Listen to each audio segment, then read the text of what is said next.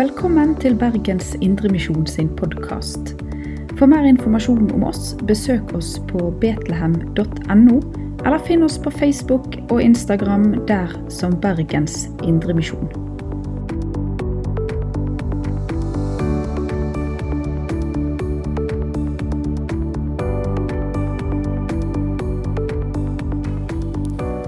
Tenk hvilken dag. Hvilken dag. Jeg må få takke for sangen. Jeg begynte å grine, og jeg har ikke klart å slutte ennå, så jeg må bare jobbe meg litt inn først. Det var vakkert å høre på, måten jeg sang på, men òg ufattelig vakker tekst å få stoppe opp for. En trufast Gud som ikke har gitt opp sitt folk. Han har fortsatt den samme nåden, han har den samme omsorgen. Han er i går og i dag den samme, og vil være det til evig tid. Og vi som tror på Jesus Kristus, vi har virkelig en stor dag å se fram imot. Den dagen vi skal få møte Jesus. Mitt navn da er Ingvald Kårbu. Jeg arbeider i P7 Kristen Riksradio, der jeg har eh, tittelen radio- og TV-pastor. Og Ut ifra det så forstår det da at det er mest knytta til radioarbeid og fjernsynsarbeid jeg har mesteparten av min tjeneste. Vi i P7 har et ønske om at mennesket skal få høre om Jesus Kristus. Mennesket som kanskje ikke har anledning til å komme inn i et gudshus, i ei kirke, pga. helsesituasjon, eller òg fordi at dørterskelen er så høy. Jeg har tenkt litt på det de siste ukene, at på en del bedehus rundt omkring, gamle bedehus og i kirker Vi har det ikke her, men der er det galleri.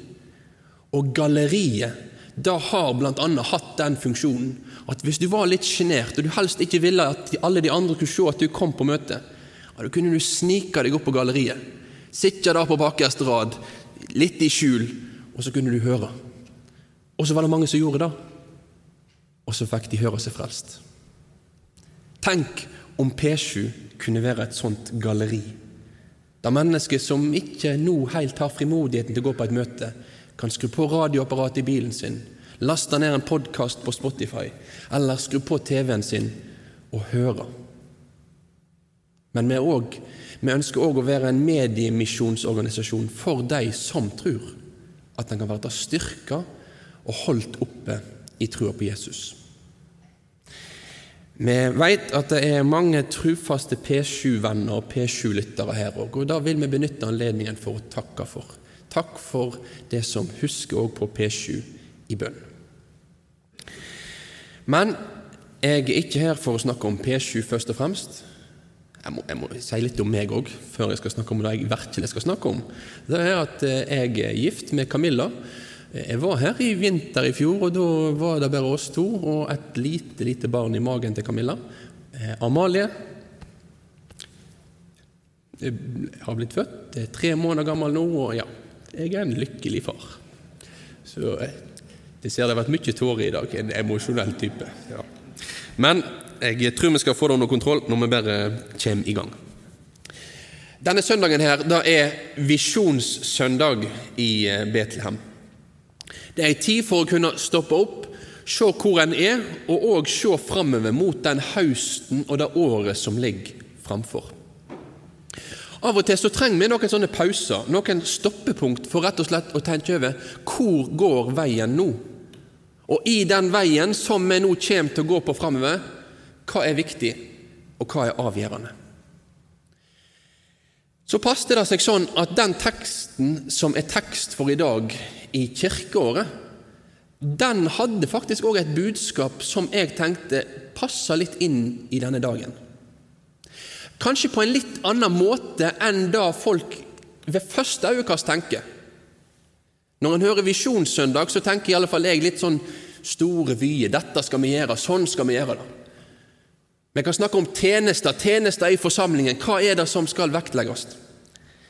Men dagens tekst den snakker også om tjenester i Guds rike. Det å være en tjener. Men den kommer med en ufattelig viktig grunnleggende påminner til hver og en av oss om hvordan den som er en Herrens tjener, skal få se på seg sjøl og si tjenester. Før vi leser det som er dagens tekst, så vil jeg at du skal bli med meg på en tur. Vi skal reise til byen Eisleben i Tyskland. Ikke den største byen, ikke den mest prangende byen. Men for rundt 500 år siden så var det en mann, en mann som akkurat hadde dødd i denne byen. Han var født i den samme byen. Men i løpet av sine drøye 60 år, nærmere 70 år, så hadde han hatt et rikt virke i store deler av Tyskland.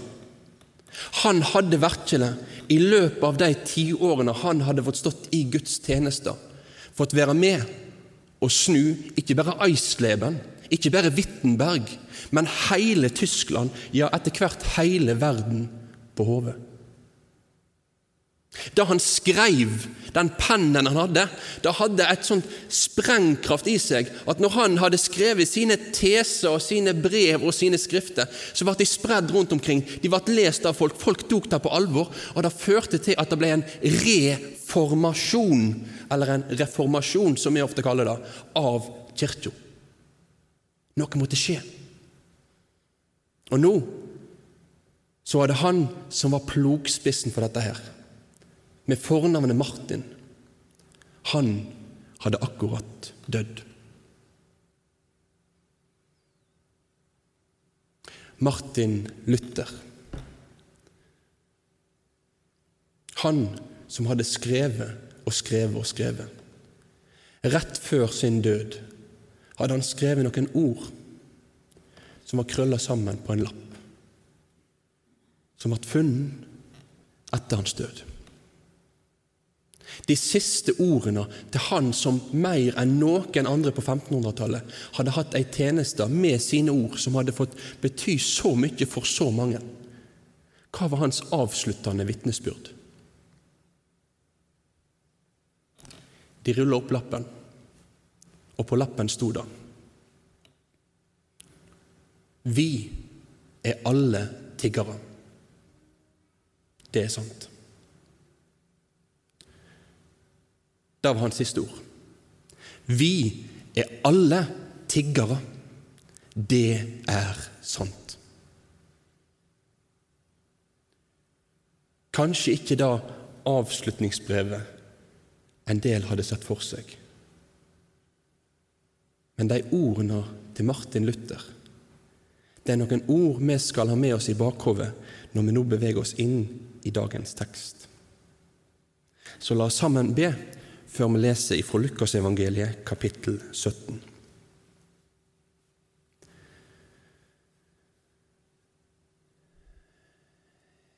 Ja, gode Gud og Far, du som er den sanne Gud fra evighet til evighet. Du som er uforanderlig i ditt vesen, som står fast ved dine løfter, som holder ditt ord Takk at du har gitt oss ditt ord, at ditt ord da står fast, og da er sant. Og nå ber vi deg om at du ved din ånd kan få møte oss i dag gjennom dette ordet. La denne teksten få lyse opp for oss deg, Jesus, du som er vårt håp, du som er vår redning, du som er vår tjener.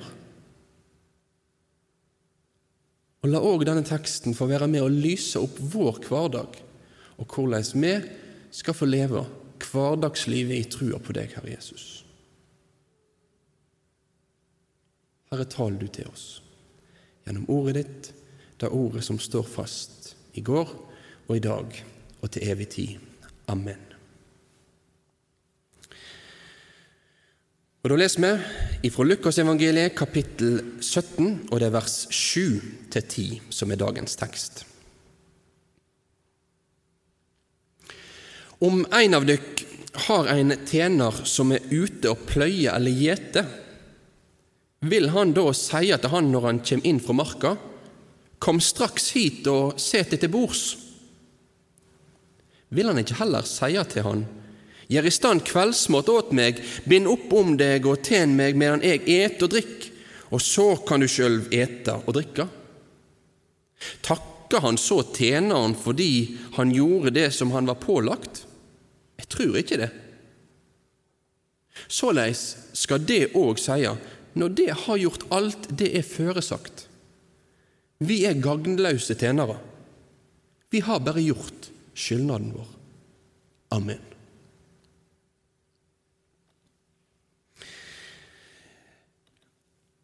Før vi går inn og ser på det som er hovedpoenget i denne lignelsen, eller denne fortellingen til Jesus, så er det et par grunnleggende moment vi må ha med oss. Det er et par holdepunkt som er viktig for at vi nå når vi går inn i teksten, passer på at vi ikke går feil. Det første holdepunktet som jeg vil at du skal huske på, og dette gjelder for denne teksten, men det gjelder for hele Bibelen og da forstår Bibelen, det er at vi må huske på at da å være en kristen da er veldig ofte en øvelse i å holde to tanker i hodet samtidig. Eller kanskje ofte veldig mange flere enn to tanker i hodet samtidig òg. Dette tror jeg er ekstra utfordrende for oss i dag, fordi vi lever i ei tid med det som vi kaller for Instagram. Det er jo et sosialt medium, og selve navnet Insta det handler om at det er noe som er plutselig, det er noe som skjer hele tida. Og Sånn blir våre tanker og vårt sinn skrudd sammen òg. Politikerne når de har en debatt på TV nå før valget, da må de ha svar på direkten. Hva tenker du? Sånn eller sånn eller sånn? Det er ikke snakk om ti minutter utlegging på den ene sida og på den andre sida. Nei, du må ha konsist svar rett på. Og Sånn kan vår tanke og vår virkelighetsforståelse òg bli forma på en sånn måte at vi tenker at det er enten sånn eller sånn. Men realiteten er at ofte så er bildet mer sammensatt enn som så. La meg ta et eksempel. Er en kristen et Guds barn eller en tjener? Ja, vil jeg si. Ja, helt rett. Begge deler. Jeg setter veldig pris på den sangen. Nå skal du få være barn og ikke tjener. Dette er ikke på noe som helst vis meint å, å undergrave den sangen. Heller tvert imot. Mitt poeng, mitt enkle poeng er da at vi må huske på at når vi på den ene sida understreker den realiteten at når jeg ved tro på Jesus Kristus har blitt frelst, så har jeg blitt flytta inn i Guds familie. Jeg har blitt et Guds barn. Dermed så, så står ikke jeg i en trellestand lenger, der jeg skal gjøre meg fortjent til å, å, å, å tilhøre Gud eller tro på Han. Jeg er hans barn. Men samtidig så beskriver Jesus, spesielt i veldig mange tekster, at den som følger han, den er kalt til å være en Herrens tjener. Og Vi kunne også tatt andre bilder. Det er snakk om å være Jesu brudgom. Nei, ikke Jesu brudgom, Jesu brud, og han er brudgommen. Det er ulike bilder som blir brukt for å få fram ulike poeng knytta til det å tro på Jesus og tilhøre Han. Og Dette er faktisk viktig, fordi det er med å til sammen male et rikere bilde for oss av livet med Herren. Hvis vi kun hadde hatt den ene metaforen eller det ene språklige bildet som var brukt, da kunne vi få fram ett poeng veldig godt. Da kunne én spiker blitt skikkelig hamra inn. Men det vakre bildet som Bibelen tegner for oss av hvem Herren er, og hvem vi får tilhøre, det er et mangefasettert bilde. Og Det må ikke vi glemme i en verden preget av kjappe svar, kjappe løsninger.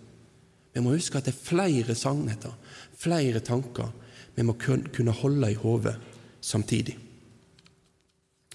Så det var én merknad. Én til jeg vil komme med. Og det er at når vi leser denne type tekst som jeg, jeg las nå Vi kan kalle det en lignelse, det er kanskje litt uenighet om dette her er en lignelse eller ikke. Men, men mange av disse tekstene der Jesus bruker eksempelfortellinger i Bibelen, det kaller vi lignelser. Noen lignelser er Jesus veldig tydelig på at hver enkelt detalj i teksten har en overført åndelig betydning. Såmannslignelsen det er en lignelse der Jesus forteller om såmannen som går ut for å så, og da detter ned i ulikt jordsmonn. Og Etterpå forklarer Jesus ganske grundig. Da er såmannen sånn, da er de ulike jordsmonnene sånn og sånn og sånn og sånn. Men hvis jeg bruker den nøkkelen på den teksten her, og tenk at det jeg nå las, det er sånn at vi må se hvert enkelt moment her at det skal vise oss en åndelig sannhet, da kan vi komme ganske skeivt ut. For når vi leser om Herren i denne teksten her, så er det en herre som når tjeneren eller slaven hans kommer inn, ja, så så er det ikke mye takknemlighet å spore. Det er ikke mye glede å spore. Han ber han ber han gå videre og gjøre noe annet. Og ut ifra samtidas jordbruksbilde så var dette her veldig forståelig. For veldig mange de hadde én tjener eller de hadde én slave. Og, og, og, Da var det den som måtte hjelpe dem utendørs og innendørs. Så folk forsto det umiddelbart. Det ga mening for dem. Men hvis jeg skal overføre dette her på Gud og si at sånn er Gud, at da tjener Herren det på samme måte som dette her, at han driver deg fra ene skansen til den andre, da ender vi opp med et ganske sjukt gudsbilde, for å si det rett ut. Og et gudsbilde som ikke stemmer overens med sånn som Bibelen ellers beskriver Gud for oss. Derfor må vi òg, når vi leser lignelsene, passe på at vi må få fortolke og forstå dem innenfor ramma av Bibelens helhetsfortelling. Hvis ikke så ender vi opp med en forståelse av at Gud han er bare en hard herre som driver meg fra det ene til det andre. Og det er ikke det Jesus ville formidle til deg og til meg og til sine tilhørere med denne teksten. Fokuset i denne teksten er ikke på Herren sitt forhold til tjeneren, men hvordan tjeneren skal få se på sin egen tjeneste. Noen kapittel tidligere i Lukasevangeliet så har Jesus beskrevet for oss Herren sitt forhold til tjeneren. Det står i kapittel 12 i Lukasevangeliet. I vers 37 der så står det Sele er de tjenerne som Herren finner våkne når Han kjem. Sannelig sier jeg dykk, Han skal binde opp om seg og la dei gå til bords, og sjøl komme og tjene dei. Det er på mange måter det motsatte av det som står i kapittel 17. For da var poenget at du må ikke sette det til bords. Men her, så, når Herren blir beskrevet, så blir han beskrevet som den som tjener sine tjenere. Han er den som sørger for oss, tar seg av oss, bryr seg om oss. Så de merknadene de må vi ha med når vi skal forstå disse tekstene. Og Poenget er at når vi leser fra Lukasevangeliet i kapittel 17, når vi leser den teksten som jeg begynte med å lese, så ser vi der at Jesus han ser ut til å ville vektlegge og framheve ett spesielt poeng. Og Det var det som sto i vers 10. Såleis skal det òg seia når det har gjort alt det er føresagte. Vi er gagnlause tjenere. Vi har bare gjort skyldnaden vår. Så dette handler om hvordan skal en Herrens tjener få forholde seg til sin egen tjeneste.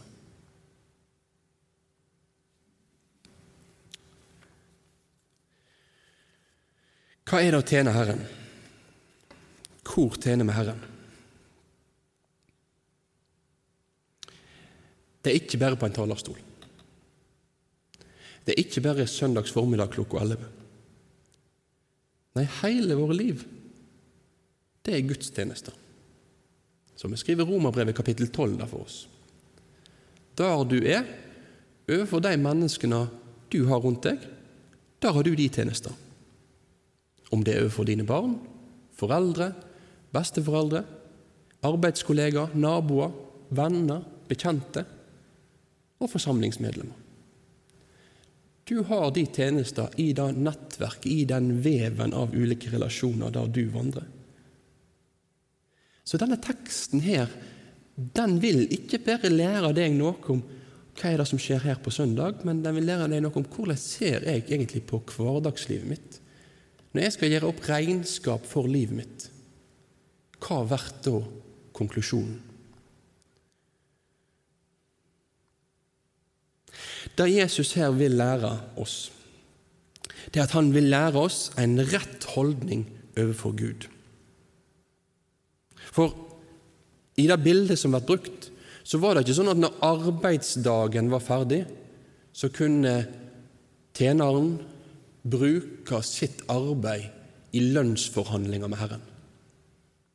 Det var ikke sånn at når arbeidsdagen var slutt og de endelig hadde gjort alt de skulle gjøre, så kunne de sitte seg ned og si til Herren Se alt jeg har gjort nå! Har du fått med deg, har du sett hvor jeg kløpte plenen her ute? Har du sett hvor jeg har lagt mat til deg? Smakte ikke dette godt? Jeg har virkelig stått på i dag, altså.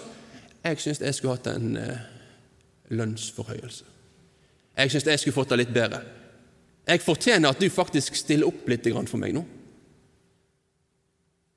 Nei, Det er da Jesus sitt poeng her er. For Han taler også inn i en samtid der spesielt fariseerne har en tanke om at gudsforholdet og, og det livet en lever, det var noe en kunne bruke til å samle opp litt goodwill, litt godvilje hos Gud. Men jeg kan ikke bruke tjenesten min i lønnsforhandling om Herren. Jeg kan ikke bruke tjenesten min som ei brekkstang for at jeg skal bli belønna av Gud. Nei, tvert imot så er det sånn at jeg og du vi skal ikke få leve våre tjenester ut ifra å få belønning. Men vi skal få gjøre det ut ifra at det er det vi skal gjøre.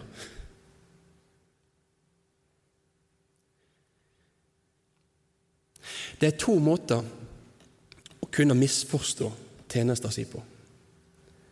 Og Begge de måtene blir belyst i denne teksten. Den ene er hovedsaken, den andre er litt på sida, men jeg vil si litt om den andre litt på sida først, fordi jeg tror at den er viktig for oss i dag, for ikke å misforstå denne teksten. Den første måten en da kan misforstå tjenesten sin på, det er at en leser vi er gangløse tjenere på en sånn måte at en da tenker at ja, jeg, eh, jeg, jeg kan ingenting, jeg.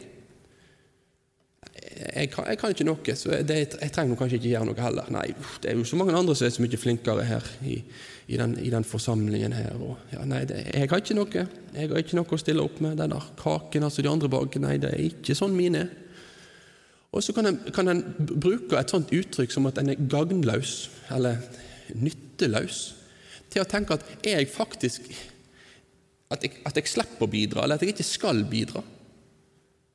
Men vi må huske på at det som står her nå, det står mot slutten av en arbeidsdag der tjeneren har vært virksom i sin tjeneste. Han har stått på ute på markedet, han har stått på inne i huset. Det var ikke sånn når, når, Herren kom om morgenen og spurte han, eller sa til han, 'Nå skal du gå ut og pløye', så sa han, 'Nei, jeg, jeg, jeg, jeg kan ikke med denne plogen. Jeg må bare holde meg inne.' Han gikk. Han gjorde det. Og Hvorfor sier jeg dette her? Jo, for poenget med dette uttrykket å være gagnløs, eller å være unyttig, som andre bibeloversettelser kaller det, det handler om at jeg fortjener faktisk egentlig ingen ekstra pris eller ros fra min Herre på grunn av det jeg gjør. Fortjener ikke det at han, han skal sitte der og, og, klappe for meg at jeg, jeg har vært så flink oppe i himmelen. Nei, jeg fortjener ikke det. Tjeneren er virksom. Til deg og til meg i dag så er dette en påminnelse om at vi må, vi må ikke eh, applisere Jesu ord på feil område i livet vårt.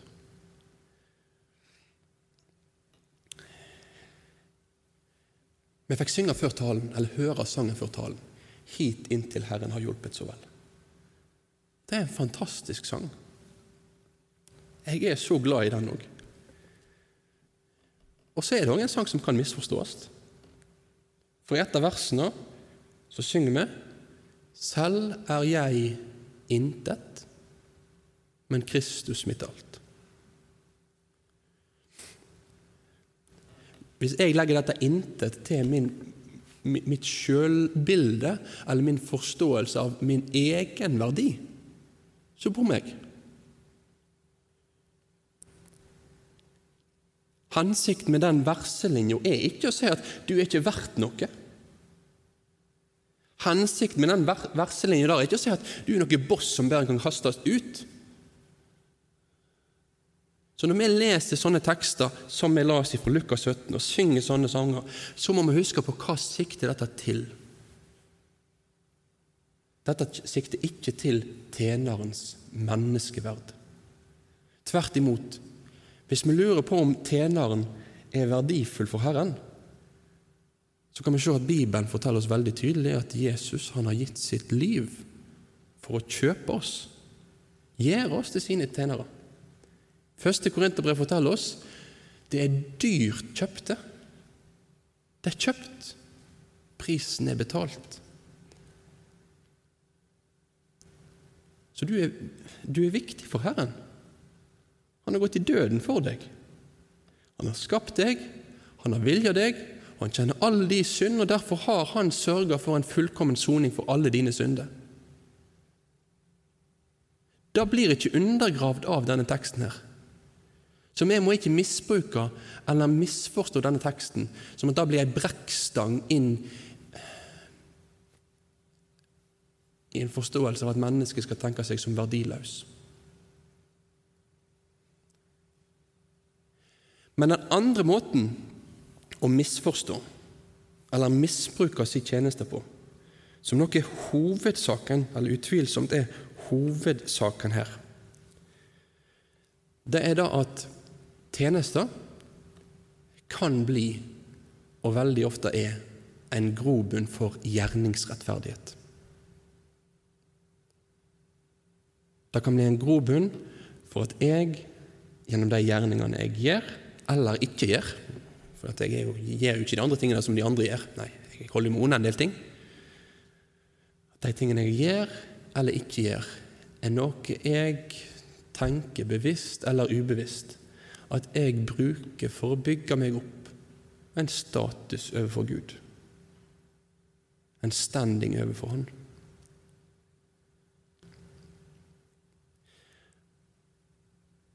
Og det er nok det som er hovedpoenget til Jesus her. Å gå til frontalangrep på tanken om at du ved de tjenester, i forsamlingen eller i hverdagen, skal gjøre deg mer fortjent til å være Herrens tjener og Guds barn.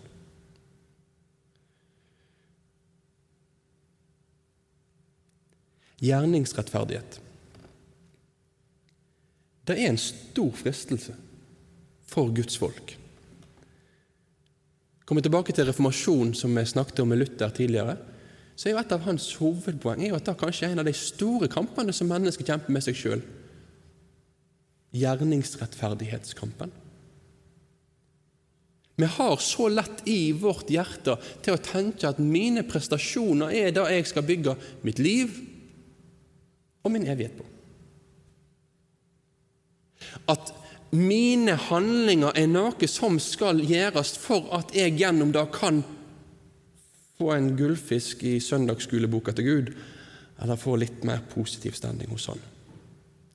Og dette gjelder spesielt Dette gjelder spesielt hvis en har hatt en stri tørn i tjenester.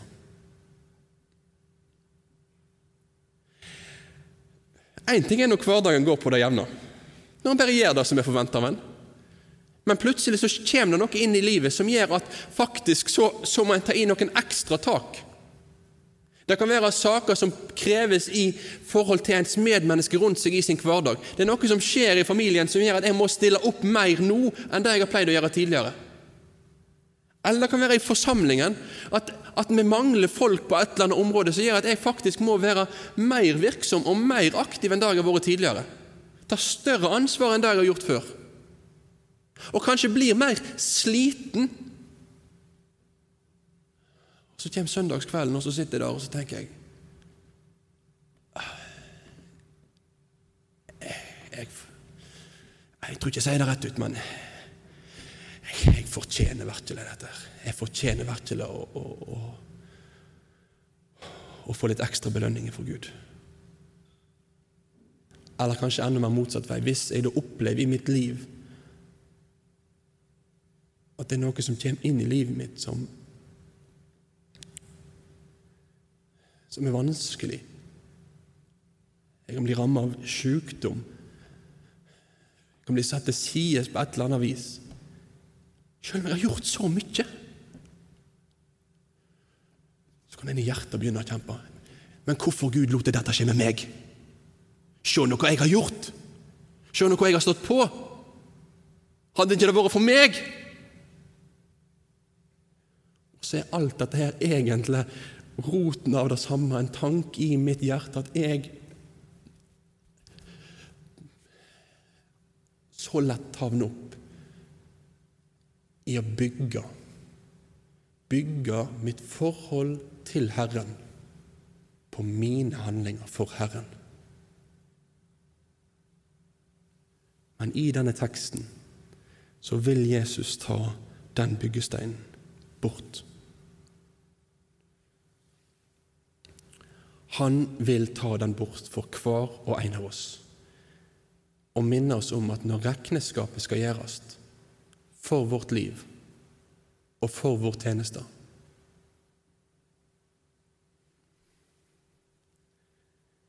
Så kan ikke du bygge på de tjenester. Så kan ikke du bygge på din innsats.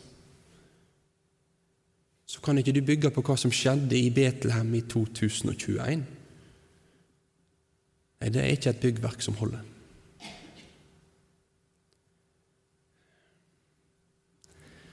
Herren vil ta bort gjerningsrettferdighetssteinen for å vise oss at en annen stein, en holdbar stein, en velprøvd stein, vi skal få bygge vårt liv, vår haust og vår evighet på.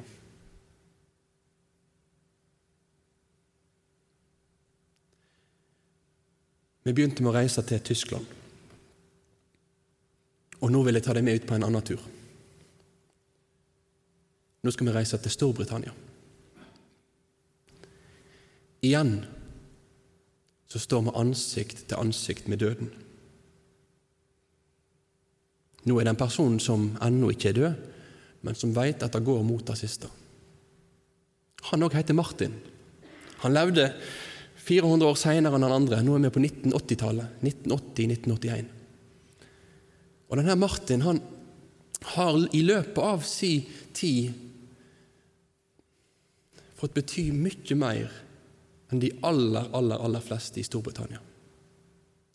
Han hadde vært lege, men så fikk hans liv en kursforandring, og han ble etter hvert pastor og forkynner. Hans navn var Martin Lloyd Jones. Han var virksom i pastor i tiår etter tiår. Store folkemengder kom til tru, kom til forsamlingen, ble innlemma i Guds rike gjennom hans tjeneste og hans virke. Men nå nå er han satt til side med sykdom. Han klarer ikke lenger å være ute blant folk. Han klarer ikke lenger å stå i aktiv tjeneste. Og så har han besøk nå av en av sine nærmeste venner. Og denne vennen spør Martin. Du, Martin, hvordan takler du dette? Hva da? spør han. Jo, jo, hvordan takler du dette, Martin? At du har gjennom år etter år fått være med å bety så mye for så mange mennesker. Du har fått hatt ei så rik tjeneste i Guds rike, Martin. Veke etter veke har vært fylt av velsignelser som har strømmet ut ifra det du har fått gjort. Nå så sitter du bare her hjemme, bundet av sykdom, og du vet at du snart kommer til å dø. Hvordan takler du dette, Martin? Doktorens svar Doktorens svar var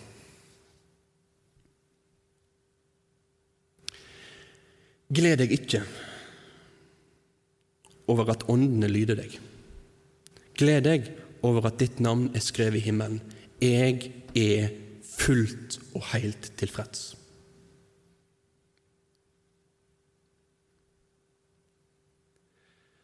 Det var vitnesbyrdet mot slutten av hans liv, når han skulle gjøre opp regnskap. Åndene hadde lydd han. Men hvordan kunne han ha en glede, en trygghet, et framtidshåp, når hele tjenesten hadde forvitra? Han var skrevet i Lammets bok. Og da skulle han få være fullt og helt tilfreds med. Det var det som betydde noe. Det var det som var avgjørende i det store bildet. Han tilhørte Jesus.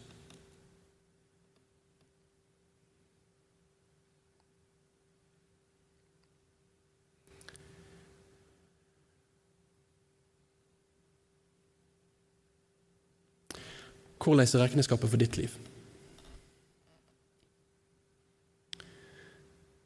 Hva tenker du om hva som betyr noe? Jeg håper at du kan ha lært noe av disse to Martinene og deres forståelse av den teksten som har vært innom nå, til å se at det avgjørende er ikke at de tjenester for Herren skal samle deg noe. Det avgjørende er Jesu tjenester for deg. Det du har i hand, det står fast. Det er ved lammets blod du blir frelst. Det er ved det Jesus har gjort, du har et sikkert fundament. Så skal du få leve ditt liv. Så skal jeg få leve mitt liv i tjenester for Han i takknemlighet for at Han har gjort meg til sin. At jeg er kjøpt fri fra syndens slaveri og nå er Herrens tjener. At jeg ved Hans ånd har blitt født på ny, har blitt et Guds barn og arving til himmelriket. Og at Jesus, han har gjort meg til sin brud, da han som brudgommen gjev meg alt sitt all sin herlighet, rettferdighet og godhet og nåde. Og så tar han all min skitt, all min synd, på seg, den som han har båret på korset.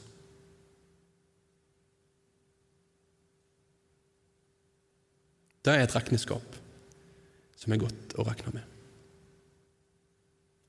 Amen. Du har lytta til Bergens Indremisjon sin podkast. For mer informasjon om oss, besøk oss på betlehem.no, eller finn oss på Facebook og Instagram der som Bergens Indremisjon.